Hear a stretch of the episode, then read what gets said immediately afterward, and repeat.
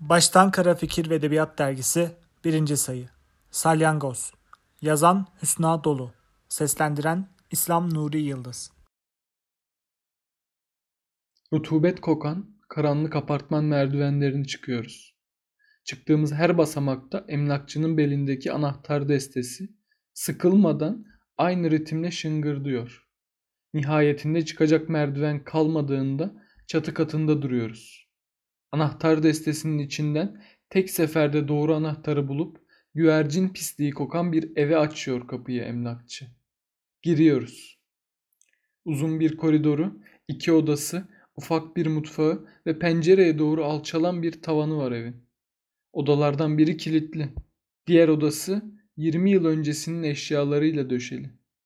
Bir çekyat, halı, vitrin ve iki yer minderi. Emlakçı gittikten sonra yerlileşmeye çalışan her yabancı gibi çekyatın kenarında oturuyorum bir süre. Sonra aynı yerlileşme çabasıyla eşyalarımı yerleştiriyorum.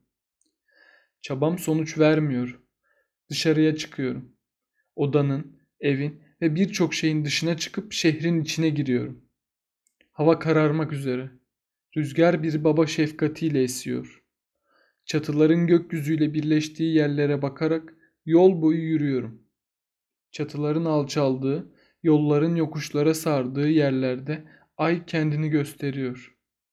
Bir şehirde bu kadar yokuş olması ve dağların apartmanlarla iç içeliği bir ovalı olarak şaşırtıyor beni. Dağlar şehre rağmen görkemli ve güzel.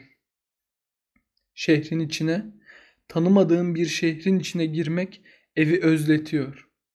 Bir sonraki adımımda kendimi bir evin içinde buluvermek istiyorum.